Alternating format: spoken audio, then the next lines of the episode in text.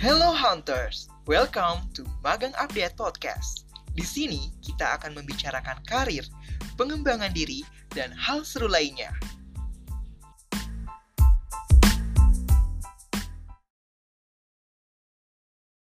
Good day Hunters, welcome back to Magang Update Podcast. Gimana nih kabarnya? Semoga sehat selalu menyertai diri kita semua ya. Amin, amin. Perkenalkan, nama aku Arsya, Business and Partnership Development Intern Batch 9 in Magang Update. Dan aku di sini bersama tim media lainnya, ada kakak-kakak. Halo. Hai, Aku Aurel. aku Indah. Aku Vira. Oke, sesuai judulnya, podcast kali ini bertopik kepoinmu. Jadi kita akan bahas tentang hal-hal yang harus Hunters tahu tentang virtual internship di Magang Update. Yang tentunya bikin kalian kepo abis. Ngomongin tentang kepo nih, aku juga kepo banget. Kira-kira apa sih alasan yang bikin kakak-kakak mau daftar magang? Mulai dari Kak Aurel deh. Hmm, alasan aku buat magang. Oke. Jadi yang pertama itu basically karena aku pengen explore dulu nih pekerjaan yang pengen aku tekuni gitu nanti di masa depan. Karena aku pikir kayak uh, magang ini bisa jadi salah satu wadah gitu ya yang bisa memfasilitas memfasilitasi aku gitu buat bisa kerja di nanti di professional field gitu.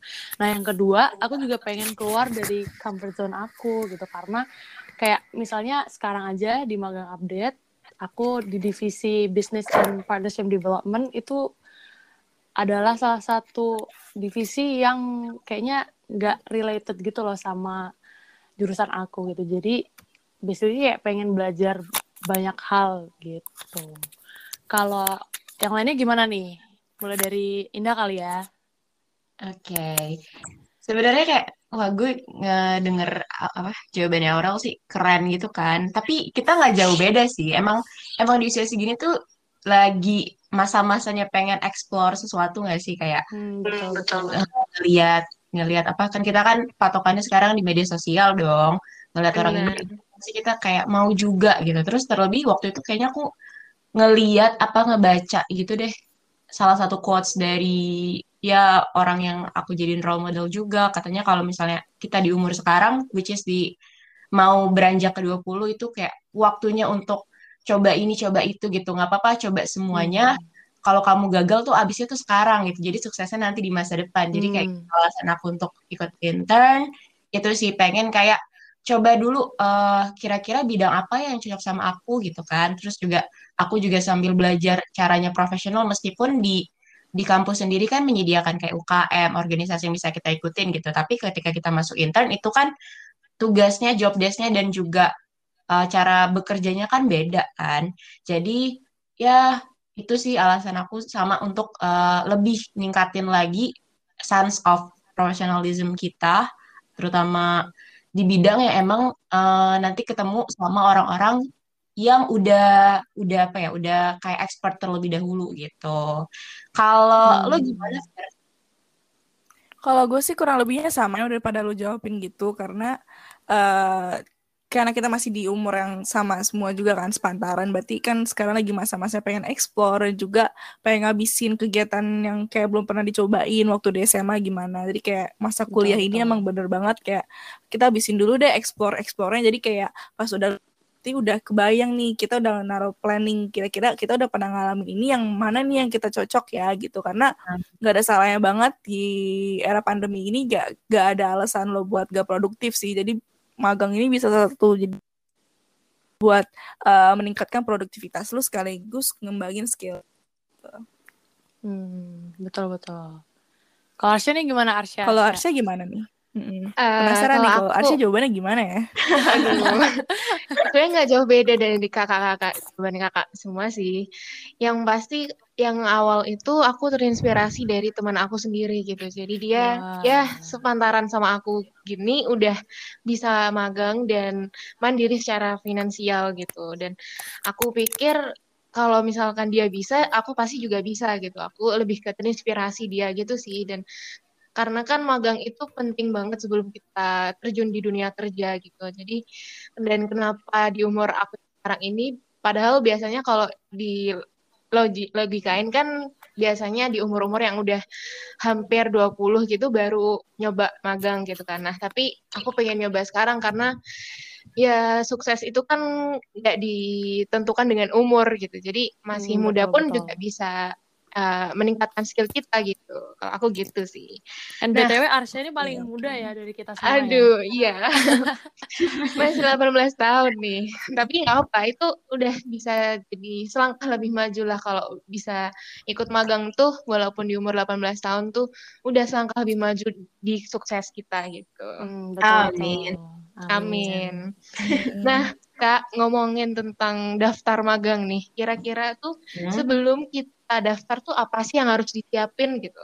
Dari Kak Aurel deh. Um, kalau aku sebelum daftar magang yang pastinya disiapin harus banget ya itu adalah resume ya karena ya resume adalah salah satu uh, file yang harus dikumpulin juga gitu ya jadi kalau resume itu aku nyiapinnya kayak bener-benerin pro- personal profile bener-benerin kayak detailsnya waktu pengalaman-pengalaman yang aku udah ikutin lebih ke kayak gitu sih terus juga motivational letter nih nah motivational letter ini aku tuh baru banget sama yang ngurus-ngurus kayak motivational letter gitu. Jadi waktu awal pertama kali aku bikin motivational letter, terlebih lagi buat magang update ya karena magang update juga salah satu tempat yang pertama kali yang aku punya kesempatan biar magang gitu ya buat magang. Itu motivational letter itu salah satu file yang menurut aku takes time dan energy karena untuk menyampaikan pengalaman organisasi dan apa yang kita mau capai dalam pekerjaan kita itu dalam satu lembar doang tuh rasanya kayak sulit gitu ya, butuh proses gitu.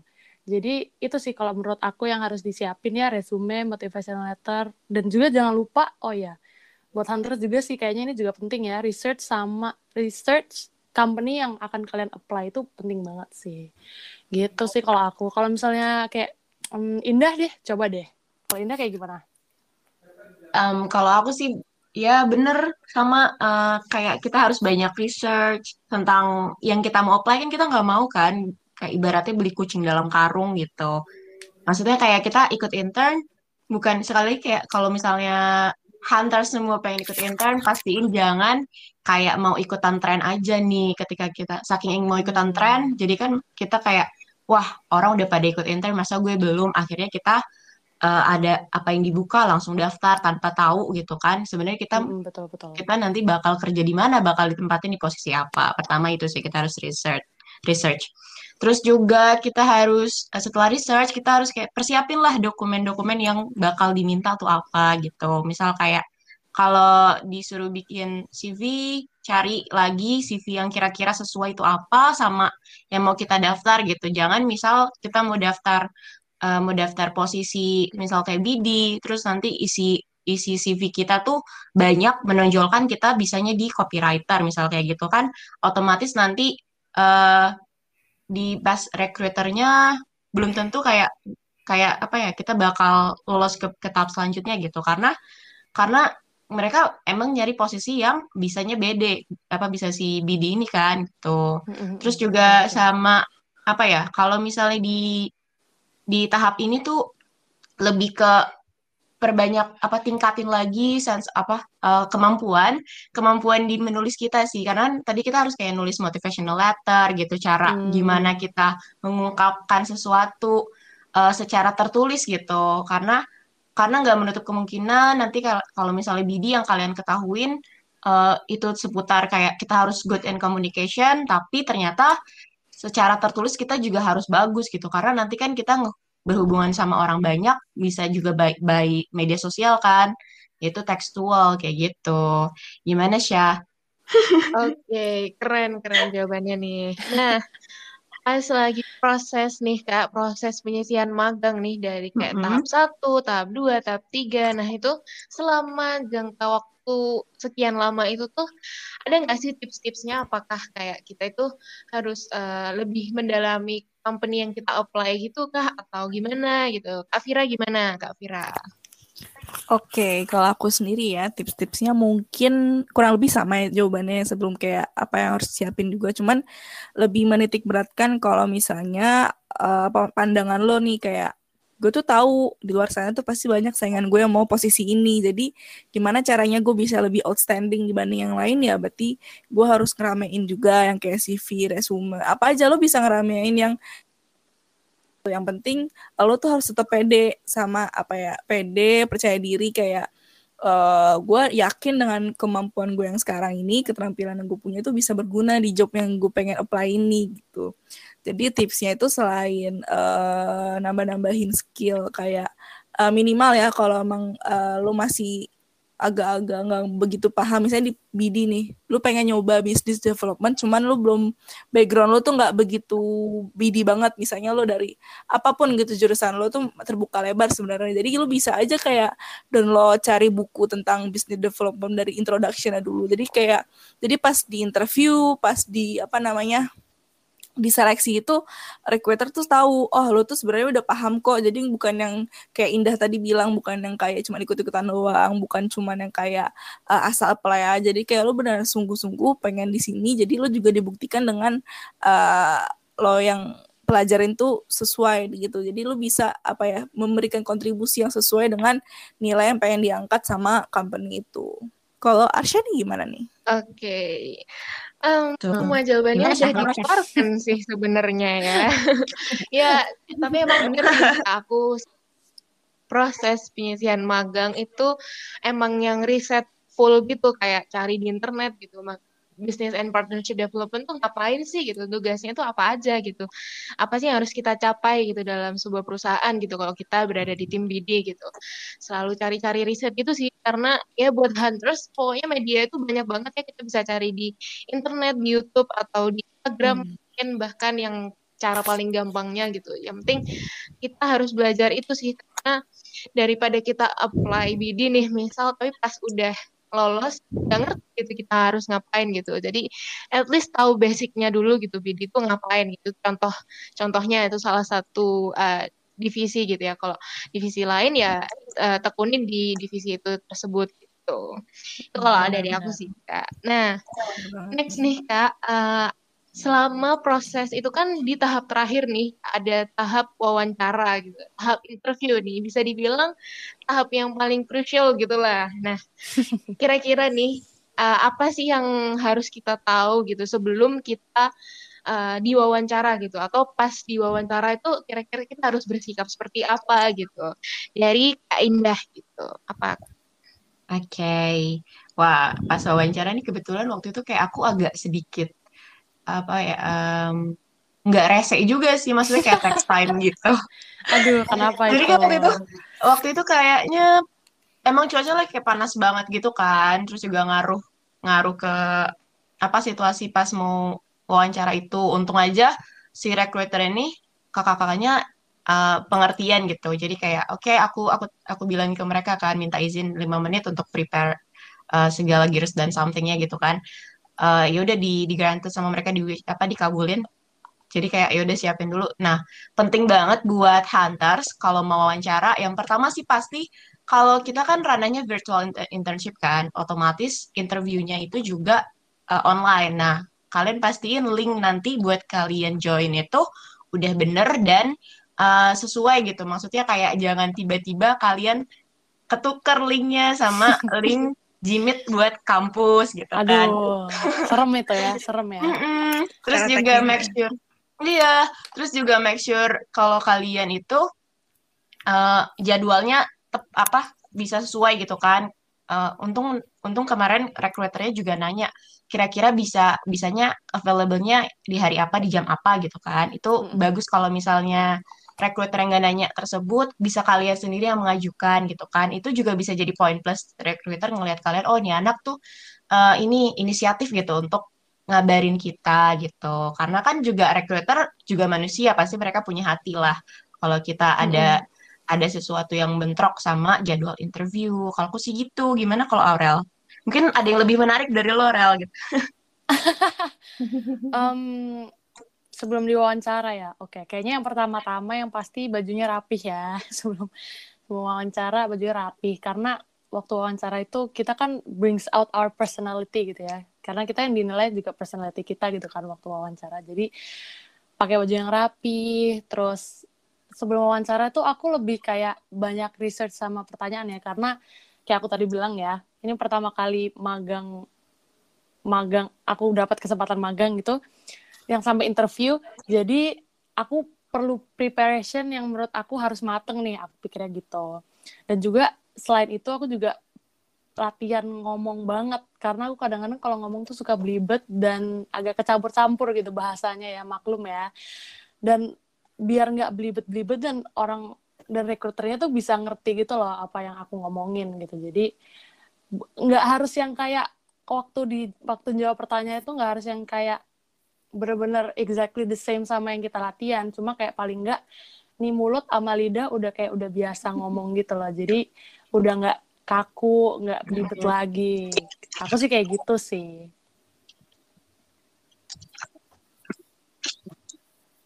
gimana sih Hmm, menarik ya. Oke, oke. Oke, menarik banget nih.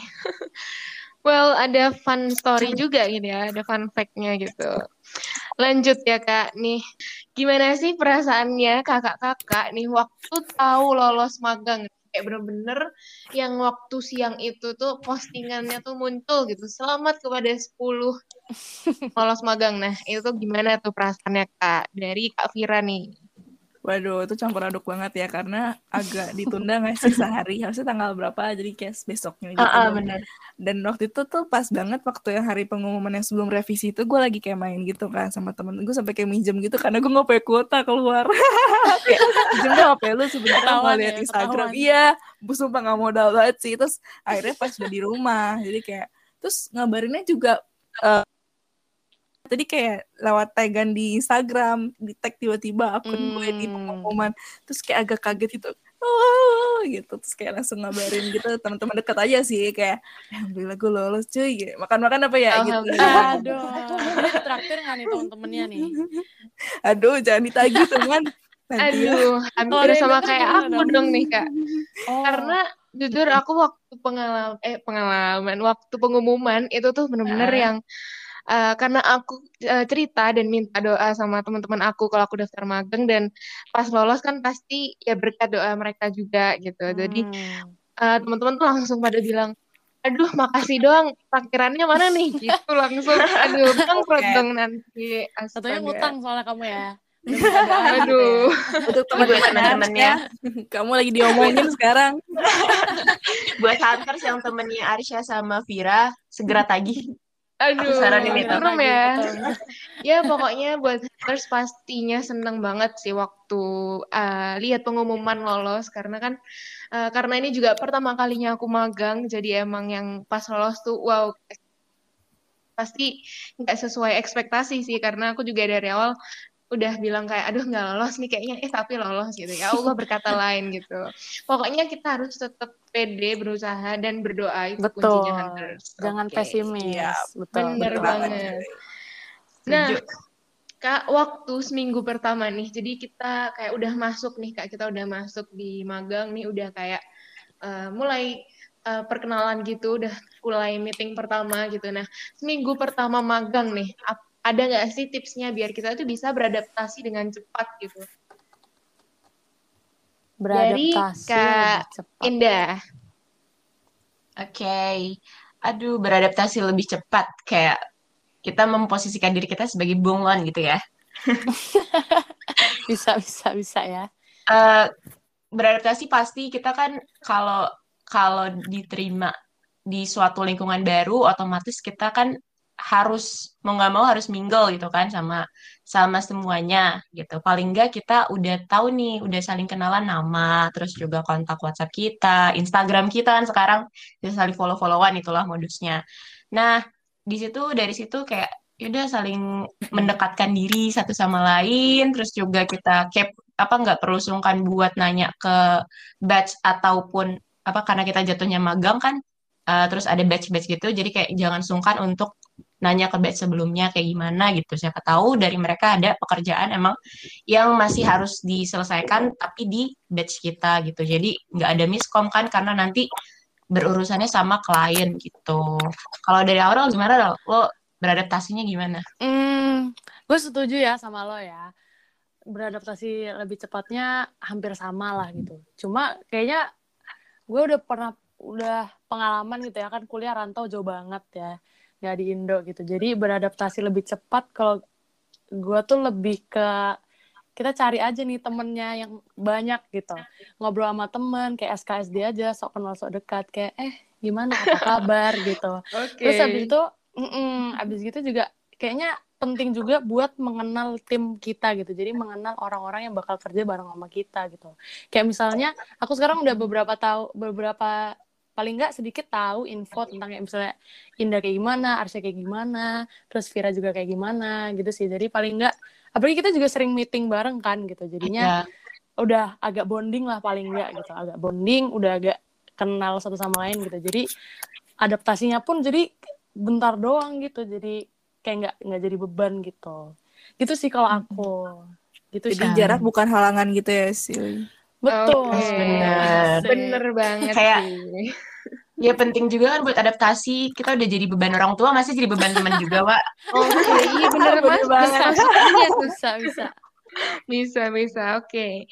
Nah, Kak, waktu kita udah sibuknya magang nih, kita kan nggak cuma magang dong pastinya. Kayak ada tugas kuliah, ada ada yang organisasi, maybe ada yang juga magang itu yang udah kita jalani sekarang. Nah, gimana sih cara bagi waktu kita gitu?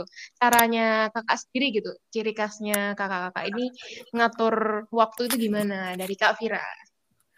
Oke, kalau sebenarnya eh, harapannya sih kuliah tuh kayak fleksibel aja, jadi nggak terlalu mengikat gitu. Cuman somehow kalau misalnya lo ngerasa ada yang di luar dari yang udah lo rencanakan, misalnya tiba-tiba kuliah lo hektik atau gimana lo bisa terapin sistem punish and reward. Jadi kalau misalnya lo, nah, misalnya Wah. punishnya nih kayak buat nyepelin kuliah, berarti nanti lo, eh ya, lo punishmentnya berupa lo harus kejar jalan gitu. Rewardnya ketika lo udah berhasil bagus manajemennya, pengelolaan dirinya dalam mengatur segala hal aktivitas lo ya lo bisa kasih reward eh, misalnya kayak ya self reward gitu-gitu cuman jangan kebanyakan ya takutnya agak bangkrut dikit. Iya. Kayaknya Agak salah satu keseringan bangkrut rewardnya, kayaknya salah satu rewardnya nonton Mhm. nih ya, nonton film ya. Iya benar-benar ya. Jadi, Oke. Eh, bisa nahan itu dompet ya. Oke. Kalau aku sendiri sih biasanya aku selalu bikin kayak jurnal atau weekly plan gitu sih Kak kalau aku. Jadi menurut aku tuh worth it sih karena kayak kita tuh jadi tahu gitu. Oh minggu ini kayak hari Senin aku ada tugas ini, deadline-nya jam segini, terus ada kerjaan ini, intern ini, ntar deadline-nya jam segini gitu. Nah, aku dari situ udah bisa lihat gitu dan bisa ngatur waktu dengan baik dari situ sih. Jadi kayak bisa ngelihat jangka panjangnya gitu. Itu kalau dari aku. Wah. Nah, next nih Kak. Eh, waktu kita ngikutin kegiatan magang nih udah ya sekitar dua mingguan lah ya kita ini dari batch 9 udah ikut magang itu kira-kira kesan dan pesan apa sih yang pengen disampaikan buat hunters yang akan daftar magang nanti terutama daftar jadi magang di magang update gitu dari Kak Aurel kesan-pesan aku mengikuti magang. Kalau kesannya yang pertama, aku very grateful ya, karena kesempat ini karena tadi aku bilang ya, ini kesempatan pertama aku buat magang gitu. Jadi buat aku ini adalah salah satu pengalaman yang priceless. Dan selama beberapa minggu ini ya, aku mencoba hal yang bener-bener baru banget buat aku. Jadi karena emang nggak related sama jurusan aku, aku sains banget kan, dan divisi yang aku pilih itu bisnis bisnis partnership gitu jadi nggak ada keterkaitannya gitu jadi benar benar. belajar uh-uh, jadi belajar dari nol banget itu salah satu hal yang kayak men-challenge diri sendiri gitu loh buat personal growth juga gitu nah kalau pesennya nih buat hunters gitu ya buat teman-teman juga yang lainnya buat selalu optimis apalagi sama apa yang kita bisa gitu sama capability kita. Karena kadang-kadang kita tuh kayak underestimate gitu loh apa yang kita bisa. Jadi kayak kita udah di pikirannya kayak ah kayaknya nggak bisa deh. Padahal sebenarnya kita tuh bisa lebih dari itu gitu loh. Dan juga kita lebih ke positive thinking lebih ikhtiar banyak berdoa gitu. Jadi biar nanti tuh tinggal Tuhan aja yang ngatur semuanya gitu. Jadi enjoy the flow gitu. Kalau Oke. Indah gimana nih? Hmm, aduh, gue terharu banget dengernya tuh. aduh udah siapin tisu tuh belum iya, ini kalau misalnya bisa di share screen, share screen nih. Aduh. Iya, kalau misalnya kesannya, kesannya seminggu, dua minggu ini, kesan di seminggu, dua minggu ini sih um, lebih ke ini ya, masa kayak uh, kita dikasih, khususnya di magang update ini sendiri gitu, kita kayak dikasih kebebasan untuk ngat, bukan ngatur, untuk nge-manage, untuk manage itu Hmm, betul, sesuai betul. dengan gaya kita gitu kan, style kita yang anak muda, jadi kayak nggak terlalu kaku untuk ngikutin uh, prosedur yang kayak ya ribet lah gitu. gitu ya. Iya corporate banget enggak gitu. Jadi kayak ya sesuai tentang magang update yang intinya kan kita di sini yang tadi apa harapannya bisa ngasih uh, info terus kepada hunter semua kan terkait dengan magang gitu. Jadi kita di sini magang untuk memberikan info magang gitu. Jadi kayak ya jadi double gitu. Benar, Um, bermanfaat bagi semuanya gitu ya. Iya benar gitu. Betul. Jadi kayak uh, kita ada di sini, kita grateful untuk hadir uh, untuk apa keterima di magang update posisi sekarang. Terus juga kita gratefulnya karena kita bisa sekaligus ngasih info juga ke kalian gitu kan secara kontin continue gitu kan. Terus kalau untuk pesannya benar banget kata Aurel, kita harus kayak percaya diri. Percaya diri uh, dalam artian tuh ketika kita daftar ya udah nggak usah kan kalau misalnya di magang update banyak kan tuh 532 aplikan yang Hmm. daftar kalau kita ngikutin patokan angka tersebut bisa aja kita udah kayak minder aduh eh, banyak banget nih gitu terus juga misal kayak banyak juga kan sekarang yang ngelihat apa apa nanti rekruternya ngelihat dari dari universitas kita gitu. Misal yang kayak Mm-mm. banyak yang negeri terus yang swasta jadi minder gitu. Enggak kok nggak sama sekali gitu kan. Semuanya balik lagi ke personality kita terus juga cara kita nge-branding diri kita ke recruiter tuh kayak gimana gitu. Terus juga Betul buat banget. eh, para hunter semuanya yang misal mencoba di kesempatan pertama terus gagal gitu ya udah nggak apa-apa. Mas- eh, emang semuanya kan takes time mungkin jalannya Arsya keterima apa dia daftar sekali terus langsung keterima gitu. Itu emang udah takdirnya dia kan rules career path-nya dia seperti itu. Terus juga itu belum tentu iya. Itu kayak belum tentu juga itu works di kita works di aku gitu works di Mm-mm. hunters gitu. Terus juga kayak eh, mungkin kalian ada juga yang kayak tahap apa apply kelima baru keterima gitu kan. Nobody knows gitu. Yang penting kita tetap usaha. Kalau misalnya misalnya kita belum dapat saat itu juga kita berarti disuruh lagi sama Tuhan untuk eh, ibaratnya tuh kayak bukan revisi sih gitu ya. evaluasi ya Betul, evaluasi Cari betul. lagi sampai ini jangan lagi. nyerah gitu ya. Pasti ada Benar. hikmahnya gitu ya. Benar, benar, benar. Karena karena jujur kalau magang itu emang pas kita tadi tahu kalau kita dapat seneng banget, tapi pas udah ngejalanin sehari dua hari, seterusnya itu kayak wah ternyata tidak mudah juga gitu Hmm, kan. betul betul. Kayak ngeliat orang posisi status apa statusnya kan kayak intern nih di mana gitu. Ternyata pas mereka udah keterima di posisi tersebut banyak banget yang harus dilakuin gitu. Mungkin ketika kamu lagi gagal di tahap itu belum keterima mungkin kayak Tuhan pengen kamu tuh belajar dulu lagi kuatin mental lagi gitu kok nih jadi kayak eh, podcast agama ya Aduh, nggak masalah loh, nggak masalah Kita, sih. kita bikin kepo sekaligus motivasi juga. Iya, bener banget Amin, ya Buat sobat hunters tuh penting banget. Sama Aduh, Sabi tuh kayaknya tuh. Lanjut ya. Nah, iya em, dari udah nih selesai nih kita kayak bahas magang nih. Yang topik terakhir banget nih yaitu kayak nilai apa gitu kan yang kita peroleh dari eh, selama menjalani kegiatan magang kita dan yang bisa membawa jenjang karir selanjutnya gitu. Dari kalau dari aku sendiri ya, em, nilainya itu pasti karena eh, kita bisa meningkatkan knowledge kita gitu tentang magang gitu. Dan, dan magang itu kan knowledge-nya kayak nggak cuman tentang perusahaannya itu doang, kayak kita meningkatkan skill kita juga pastinya gitu.